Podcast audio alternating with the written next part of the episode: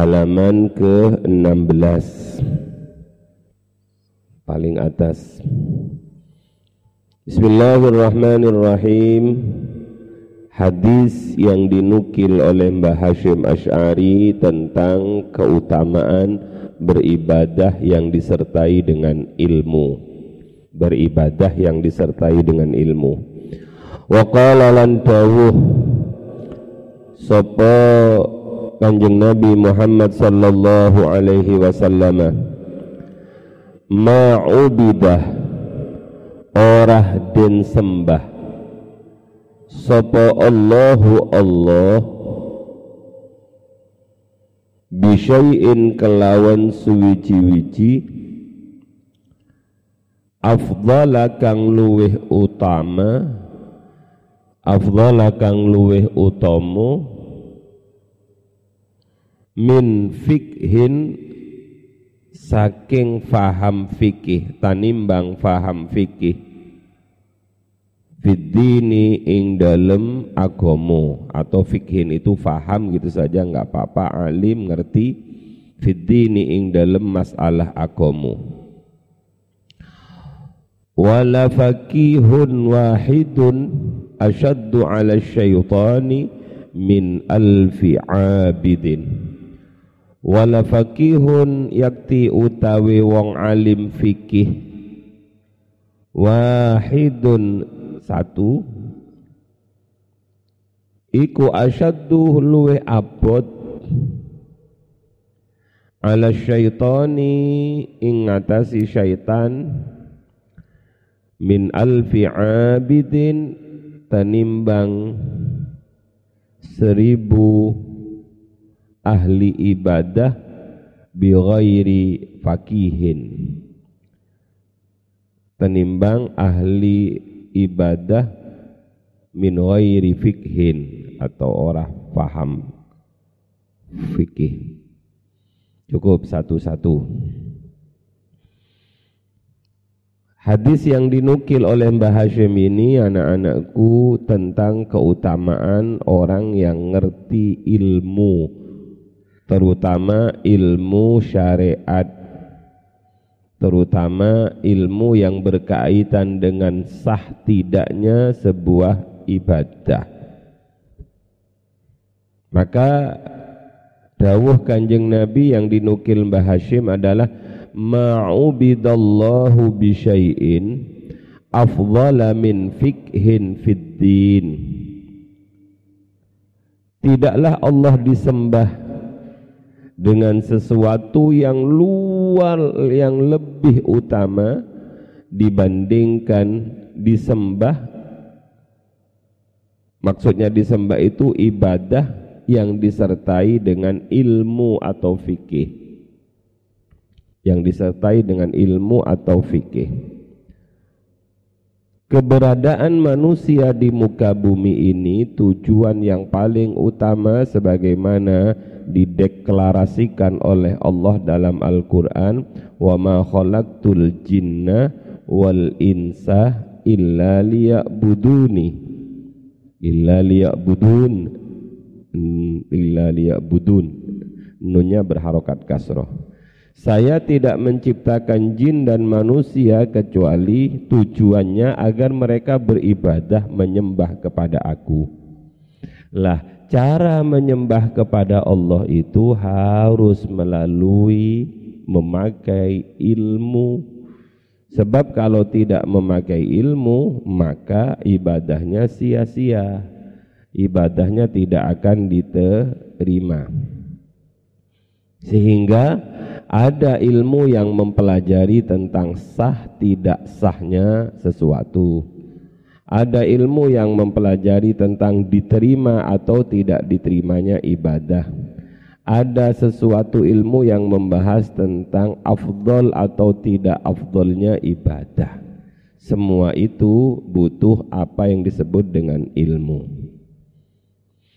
Kemudian Kanjeng Nabi dawuh di terusan hadis itu wala fakihun wahidun asyaddu ala syaitani min alfi abidin. Satu orang yang alim ilmu fikih bisa dikecilkan dalam arti ilmu fikih tapi bisa diartikan satu orang yang faham tentang ilmu agama asyaddu ala syaitani itu lebih berat bagi syaitan dibandingkan menghadapi seribu orang ahli ibadah yang tidak alim. Ini ada kejadian yang menghantarkan ini. Suatu saat Rasulullah mau ke masjid. Di masjid itu Rasulullah melihat setan. Setan itu mau masuk ke masjid juga. Oh, jadi setan itu juga ada yang ada di dalam masjid. Makanya kadang-kadang ada orang yang di dalam masjid itu berbicara tentang urusan dunia. Kadang-kadang ada orang di dalam masjid itu masih sempat berbuat maksiat. Karena memang masih banyak setan. Tidak ada jaminan steril dari setan. Lah, setan itu ketika mau masuk masjid maju mundur. Kenapa? Karena di pintu masjid itu dekatnya pintu masjid itu ada orang yang sedang tidur. Lah setan mau masuk ke masjid itu bukan ingin beribadah tapi setan itu ingin menggoda orang yang ahli ibadah di tengah masjid itu yang sedang ruku sujud. Tapi setan itu maju mundur maju mundur. Ditegur oleh kanjeng Nabi, "Hei tan, lapo kok gak masuk-masuk? Ndang masuk sekalian." Uh, jenengan ya Rasulullah kata setan. Ini kalau disederhanakan dialognya. Lah sampean kok gak masuk-masuk sih? Lapo kok gak masuk-masuk kata kanjeng Nabi. Niki lo ya Rasul, ada orang alim sahabat jenengan yang sedang tidur ini. Mungkin yang sedang tidur itu adalah Sayyidina Umar paling. Takut ditempeleng oleh Sayyidina Umar. Lah, kenapa kamu lebih takut kepada orang yang sedang tidur? Kok tidak takut kepada orang yang sedang beribadah itu? Lah ya Rasul, yang beribadah itu tidak alim, yang beribadah itu enggak sepin, enggak enggak, enggak begitu pinter. Maka saya enggak terlalu me, menggubris dia. Sekali goda selesai ya Rasul. Tapi kalau ini kesenggol, bangun, wah celaka saya ya Rasul. Akhirnya Rasulullah tersenyum, sambil keluarlah kata-kata orang alim satu itu lebih ditakuti oleh setan dibandingkan seribu orang ahli ibadah yang tidak alim. Maka jadilah orang-orang yang ahli ibadah yang berdasarkan ilmu. Sebab apa? Kata setan kalau orang ahli ibadah itu tidak punya ilmu gampang kok contoh sederhana begini kita semua sedang sholat di sini. Saya orang bodoh. Kalian sama-sama dengan saya. Lah begitu sedang wiritan la ilaha illallah la ilaha illallah. Kalau kita bodoh, nangis kita. la ilaha illallah la ilaha illallah. Setan tinggal ndulit sedikit. Abdul Khalik, kamu hebat. Kamu paling husuk di dalam masjid ini. Kamu paling alim, kamu paling top. Wah, setan itu gampang godanya. Akhirnya saya bilang, siapa dulu? Saya kok. Sehingga saya menganggap bahwa diri saya adalah orang yang paling husuk semasjid itu, ya sudah ambiar pahala saya. Jadi orang itu kalau bodoh, gampang dijerumuskan oleh setan. Tapi kalau orang alim itu setan amat sangat takut. Karena apa? Karena begitu dia terjerumus, dia langsung taubat. Dan bahkan dia bisa me menyadarkan orang-orang yang lain. Sayyidina Umar ibn al-Khattab radhiyallahu anhu itu adalah orang yang ahli ibadah juga orang yang sangat amat alim. Makanya dalam beberapa riwayat setan itu gak berani berpapasan dengan Sayyidina Umar kalau Sayyidina Umar lewat gang satu ngeledok gitu misalnya ya gang satu di Madinah kemudian setan juga pingin lewat gang itu pasti setan mundur pilih gang dua gang tiga khawatir papasan dengan Sayyidina Umar. Kenapa? Karena Sayyidina Umar itu adalah orang yang ahli ibadah turalim. Sudah, wala fakihun wahidun asyaddu ala syaitani min alfi abidin. Selanjutnya, Hadis kedua yang dinukil oleh Mbah Hashim Ash'ari dalam kitab ini. Wa qala lan sapa Kanjeng Nabi sallallahu alaihi wasallam Yashfa'u yawmal qiyamati thalathatun al-anbiya'u thumma al-ulama'u thumma Al Shuhadau yashfa'u paring syafaat. Yashfa'u paring syafaat. Yaumal qiyamati ing dalem tino kiamat. Sopo salah satun wong telu? Sopo salah satun wong telu? Rupane al anbiya'u piro-piro nabi. Summal ulama'u nule piro-piro wong alim. Summa syuhada'u nule piro-piro wong kang mati syahid. Al hadis ditulis terjemahnya nah. Kanjeng Nabi Muhammad sallallahu alaihi wasallam bersabda Yashfa'u yaumal qiyamati salasatun. Kelak pada hari kiamat ada tiga orang garis miring kelompok yang oleh Allah diberi izin di garis bawahi diberi izin. Diberi izin. Untuk memberikan syafaat. Diberi izin untuk memberikan syafaat. Kenapa saya tadi bilang di garis bawahi diberi izin? Sebab ada ayat man yashfa'u indahu illa biid nih tidak ada pada hari kiamat itu orang yang bisa memberi syafaat kepada orang lain kecuali orang itu diberi izin oleh Allah. Jadi hak mutlak satu-satunya adalah di Allah. Jadi sekalipun mungkin kita orang alim, sekalipun kita adalah seorang anak, tidak bisa tidak serta merta kita bisa memberikan syafaat kepada orang yang ingin kita syafaati. Kenapa? Harus mendapatkan izin dari Allah Subhanahu wa taala. Man dzalladzi yashfa'u indahu illa. Dalam ayat yang lain, wala yashfa'una illa limanir. Orang yang memberi izin itu, orang yang memberi syafaat itu harus mendapatkan izin dari Allah dan orang yang disyafaati itu harus diridhoi oleh Allah.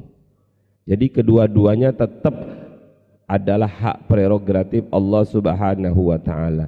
Lah, kabar gembira dari Kanjeng Nabi ada tiga kelompok manusia yang kelak akan diberi izin oleh Allah untuk memberikan syafaat pertolongan kepada yang lain. Siapa itu?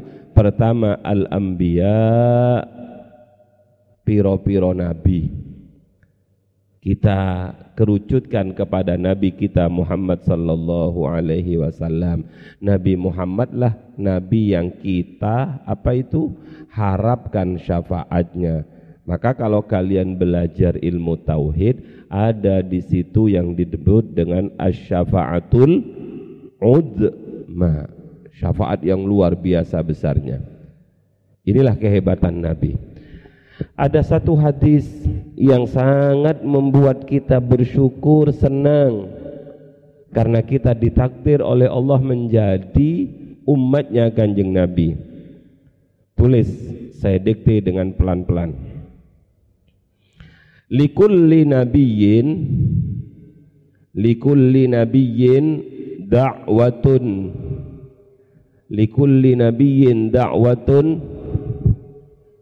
kopinya di dikedepankan toh uh, kopinya digilir biar gak ngantuk. Yang di belakang itu kopinya dibawa ke depan. Yang depan-depan belum dapat kopi. Likulli nabiyyin da'watun mustajabatun. Fata'ajjalu kullu nabiyyin. Fata'ajjala kullu nabiyyin fata'ajjalu kullu nabiyyin da'watahu. Wa inni ikhtabatu ikhtabatu da'wati syafa'atan li ummati syafa'atan li ummati wa inni ikhtabatu da'wati syafa'atan li ummati yaumal qiyamah. Fahiya nailatun. Fahiya nailatun pakai hamzah nailah. Memperoleh. Nailatun insyaallahu insyaallahu. Man mata man mata min ummati man mata min ummati la yusyrikuna billahi syai'a. La yusyrikuna billahi syai'a. Rawahu muslimun Tulis lagi terjemahnya penting sekali biar kita tambah bersyukur menjadi umatnya Kanjeng Nabi Muhammad sallallahu alaihi wasallam. Likulli nabiyyin da'watun mustajabah. Semua nabi itu oleh Allah diberi keistimewaan. Semua nabi itu oleh Allah diberi keistimewaan memiliki doa yang mustajabah memiliki doa pamungkas yang mustajabah. Nggak usah ditulis pamungkas ya. Doa mustajabah. Karena mereka para nabi itu punya doa mustajabah fata'ajjalu kullu nabiyyin da'watahu. Nabi-nabi itu rata-rata semuanya kesusu. Fata'ajjala kesusu. Kullu nabiyyin da'watahu Rata-rata para nabi itu kesusu untuk mengamalkan doanya itu. Is, namanya punya senjata pamungkas gak ditahan, dipakai di dunia. Maka lihat dalam sejarah nabi-nabi itu tokcer doa-doanya, mustajabah doa-doanya. Wa inni ikhtaba'tu da'wati sedangkan saya kata Kanjeng Nabi sedangkan saya menyimpan tidak memakai. Doaku itu di dunia. Kenapa? Syafa'atan li ummati yaumal qiyamah. Syafa'atan li ummati yaumal qiyamah. Karena saya simpan sebagai senjata pamungkas saya yang akan saya pakai kelak untuk memberi syafaat kepada umatku pada hari kiamat. Nabi gak memakai hak itu, hak istimewa itu. Beliau pingin pakai hak itu pada kelak pada hari kiamat. Makanya nak biar kita tambah cinta kepada baginda Rasulullah sallallahu alaihi wasallam berhenti dulu. Suatu saat Sayyidina Abu Bakar Sayyidina Umar keluar dari rumah. Kemudian sayup-sayup beliau mendengar ada suara tangisan. Sayyidina Umar penasaran siapakah malam-malam seperti ini kok masih nangis? Dicari arah suara itu, ternyata suara itu keluar dari rumahnya Sayyidina Abu Bakar radhiyallahu anhu. Tok tok tok, assalamualaikum, waalaikumsalam. Begitu keluar Sayyidina Abu Bakar, bengkak matanya penuh dengan air mata. Sayyidina Umar bertanya, "Wahai ya Abu Bakar, wahai Abu Bakar, ma yubkika? Apa yang menjadikan engkau menangis wahai Abu Bakar?" Kemudian Sayyidina Abu Bakar bercerita, "Anu de Umar, saya menangis karena saya baru saja bermimpi. Seakan-akan kiamat itu sudah terjadi." kita ditempatkan oleh Allah di sebuah tempat yang sangat luas. Di tempat itu ada satu bukit, ada satu gunung. Inilah mungkin yang kita kenal dengan Yaumal Mahsyar. Dan di Yaumal Mahsyar itu ada satu bukit, ada satu gunung. Kita yakin ini ini adalah gunung Uhud. Karena gunung Uhud itu adalah satu-satunya gunung yang masuk surga karena gunung Uhud itu adalah gunung yang mencintai dan dicintai oleh Nabi Muhammad sallallahu alaihi wasallam. Di atas gunung itu saya melihat banyak sekali orang-orang tampan, bercahaya, berwibawa mengalahkan semuanya. Kemudian saya bertanya kepada malaikat Jibril, "Man haula ya Jibril?" Siapakah mereka yang berdiri di atas bukit itu wahai Jibril? Kemudian malaikat Jibril bercerita, mereka adalah humul anbiya. Mereka adalah para nabi. Begitu saya tahu bahwa yang ada di atas itu adalah para nabi, saya teliti satu persatu, saya cari wajah kekasihku, Kanjeng Nabi Muhammad, mulai dari sebelah kanan sampai sebelah kiri, gak ketemu. Saya ulangi lagi, saya ulangi lagi, gak ketemu. Akhirnya saya komplain pada malaikat Jibril, wahai Jibril, kamu bilang mereka adalah al-anbiya. Mah, mana sayyidul anbiya'nya? Mana sayyidul mursalinnya? Mana pemimpin para nabi, para utusan kok enggak ada di situ? Akhirnya Jibril bilang pada saya karena kamu sahabat setianya Rasulullah. Rasulullah memang tidak ada di situ. Ayo saya bawa kamu. Akhirnya saya dibawa ke sebuah tempat di mana di situ ada satu manusia dan itulah satu-satunya. Apa yang terjadi? Saya melihat perawakan itu adalah yang tidak asing bagi saya. Dia adalah kekasih saya Muhammad sallallahu alaihi wasallam dan posisinya Kanjeng Nabi waktu itu sedang sujud. Apa yang diucapkan oleh Nabi saat sujudnya itu inilah yang luar biasa dan harus menjadikan kita lebih mencintai Rasulullah. Kira-kira yang diucapkan oleh Kanjeng Nabi, zaujati zaujati. Tidak. Abnai? Tidak. Keluarga saya? Tidak. Yang diucapkan oleh Kanjeng Nabi pada waktu itu adalah ummati ummati ummati kita yang disebut oleh kanjeng Nabi umatku umatku umatku maka Allah tahu wahai Muhammad angkat tanganmu eh angkat kepalamu mintalah apa yang ingin kau minta saya akan beri. Lah di sinilah Nabi Muhammad menggunakan hak doa mustajabahnya yang diminta oleh kanjeng Nabi. Kita ini agar mendapatkan pertolongan atas izin Allah.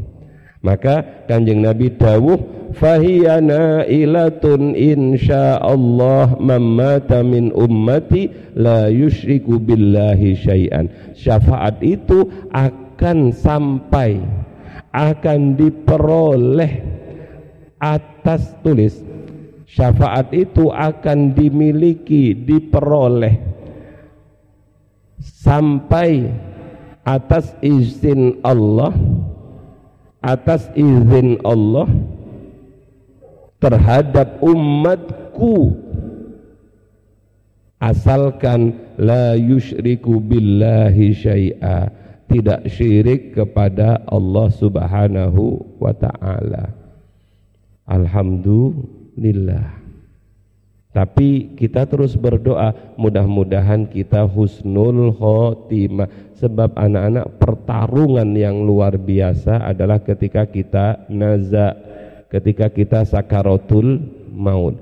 Kalau kita mampu mempertahankan keimanan kita mampu mempertahankan asyhadu an la ilaha illallah wa asyhadu anna muhammadar rasulullah sampai akhir hayat kita maka apapun yang kita lakukan asalkan kita tetap beriman kepada Allah beriman kepada Rasulullah tidak menyekutukan Allah insya Allah kita akan mendapatkan syafaat dari Rasulullah sallallahu alaihi wasallam maka ayo terus berdoa Rabbana khtim lana bi khatimatis sa'adah Ya Allah pungkasi kami dengan pungkasan yang bejo, pungkasan yang beruntung. Rabbana khtim lana bi husnil khatimah.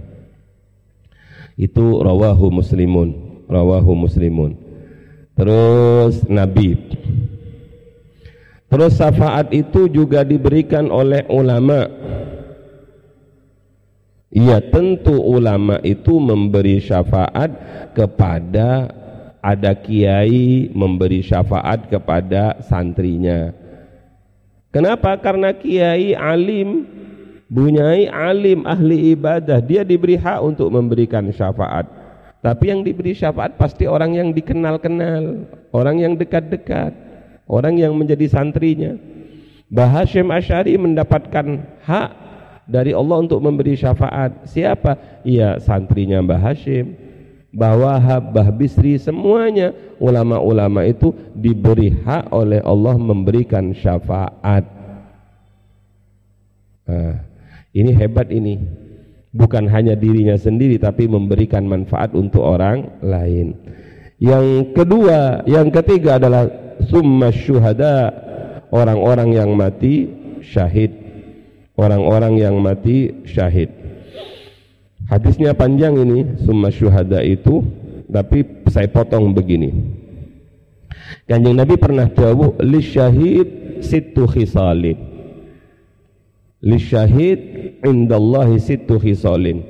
Bagi orang yang mati syahid itu memiliki tujuh enam keistimewaan. Enam keistimewaan. Rata-rata yang enam itu kembali kepada dirinya. Tapi yang terakhir adalah wa yushaffi'u fi sab'ina tulis wa yushaffi'u fi sab'ina min aqaribihi wa yushaffi'u fi sab'ina min aqaribihi. Mereka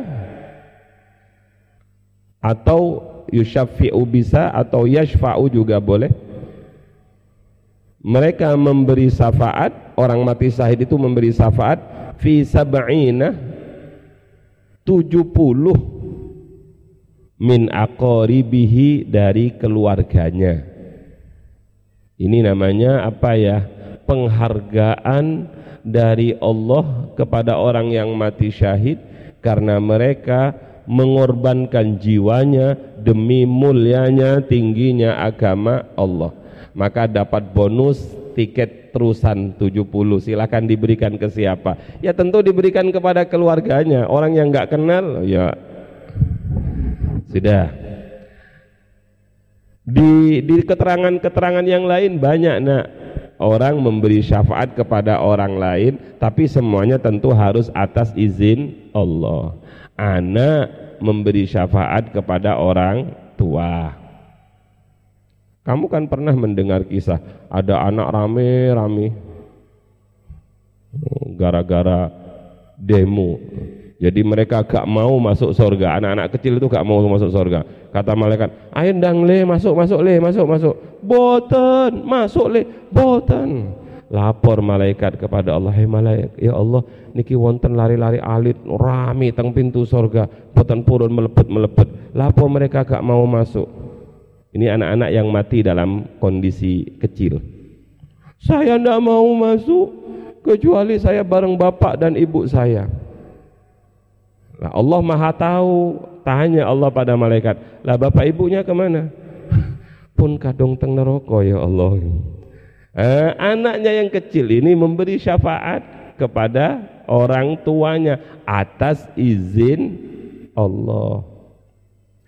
Jadi atas izin Allah semuanya atas izin Allah. Saya kira itu sebagai penutup pentingnya kita hidup bersosial itu saya mikir ya Allah zaman Covid ini menakutkan. Tapi jangan kalah takutnya dengan Allah Subhanahu wa taala. Ada satu hadis mamin rajulin enggak usah kamu tulis enggak apa-apa. Mamin rajulin muslimin yamutu fayaqumu ala janazatihi arba'una rajulan la yusyrikuna billahi syai'an illa syaffa'ahum fihi rawahu muslimun. Kalau ada laki-laki muslim yang wafat Lantas ada 40 orang laki-laki yang mensolati jenazahnya. Ingat kalau kamu takziah, sodakoh terakhir kamu kepada mayit itu adalah ikut sholat jenazah. Di kampung-kampung itu biasanya ada orang takziah, tapi ketika disuruh sholat jenazah agak males ini amal terakhir kita kepada orang itu. Kalau orang 40 ikut nyolati mayit itu, maka 40 orang ini asalkan orang ini bukan orang musyrik, maka 40 orang yang mensolati jenazah itu akan menjadi syafaat bagi mayit itu. Ya Allah, enaknya kiai wafat itu pairo sing nyolati? Bukan hanya 40 orang sholat jenazah yang ke-40 akan diimami oleh Kiai A bin A. Kepada yang belum mensolati disilakan. Kutuk ada permintaan sholat yang ke-40 ini adalah sholat yang terakhir. Mohon maaf ternyata masih ada yang banyak belum mensolati. Sholat jenazah yang ke-41 kutuk ya Allah enaknya. Ya gimana gimana disolati orang banyak seperti ini? Kalau ketika hidup gak mau nyolati orang lain. Maka kembali kepada diri kita. Kalau kita sering takziah sering nyolati orang insya Allah kita akan disolati oleh orang lain.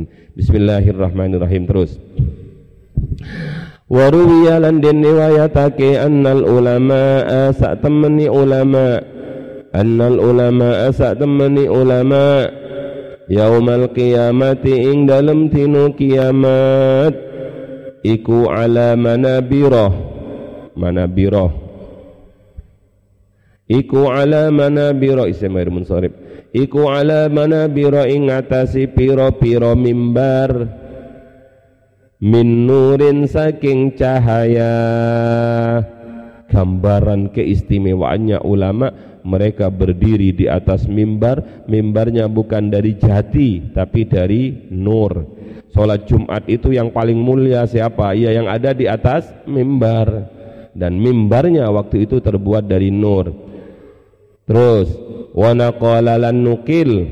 Wana lan nukil sopo al-qadi Husain qadi Husain sopo al-qadi Husain qadi Husain fi awali ta'liqatihi ing dalam kawitan ta'liqati ing dalam kawitan ta'liqati Qadi Husain annahu ing sak temeni kelakuan. Ruwiyatin riwayatake. Ruwiyatin riwayatake anin nabi saking kanjeng nabi sallallahu alaihi wasallam.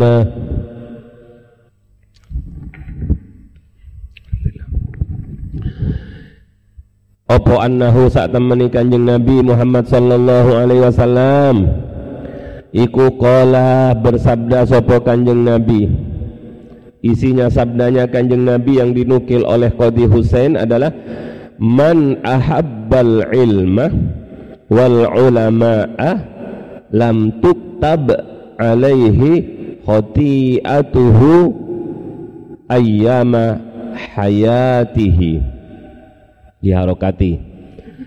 Man ahabbal ilmah man utawi sapani wong iku ahabba demen sapa man? Iku ahabba demen sapa man iku ahabba demen sapa man al ilma ing ilmu orang yang mencintai ilmu. Wal ulama alan piro-piro wong alim juga mencintai orang alim. Lam tuktab mungko ora den catat. Lam tuktab mungko ora den catat. Alaihi ingatasi man opo khoti atuhu piro-piro kesalahan iman. Ayyama hayatihi ing dalem piro-piro dino. Ing dalem piro-piro dino uripe man. Ing dalem piro-piro dino uripe man. Ada orang yang khotiah, ada orang yang salah, ada orang yang khilaf tapi kekhilafannya, kesalahannya tidak dicatat oleh malaikat gara-gara orang itu mencintai ilmu dan mencintai ula, ulama. Hebatnya mencintai ilmu dan mencintai ulama. Terakhir, qala dawuh sapa Qadi Husain wa ruwiya lan Opo annahu sak temani kanjeng Nabi? Opo annahu sak temani kanjeng Nabi? Opo annahu sak temani kanjeng Nabi Muhammad sallallahu alaihi wasallam? Iku qala dawuh sapa kanjeng Nabi? Man shalla khalfa alimin Faka'annama shalla khalfa nabiyyin. Faman shalla khalfa nabiyyin faqad uhufira lahu. Man utawi sapani wong iku shalla salat sapa man? Khalfa alimin makmum burini wong alim.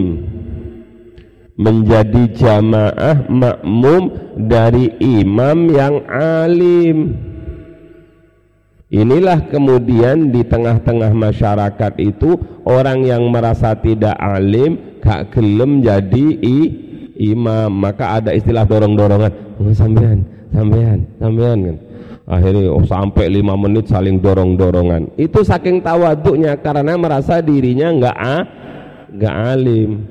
Ojo sampean gaya pulang dari pondok. Minggir minggir. Aku sing imami ojo kenapa kamu sing imami ben oleh syafaatku kalian semua. Kenapa? Alim dah gitu. itu alim kolektor itu. Tawadu orang-orang kiai-kiai. Monggo kiai jenengan. Jenengan jenengan jenengan.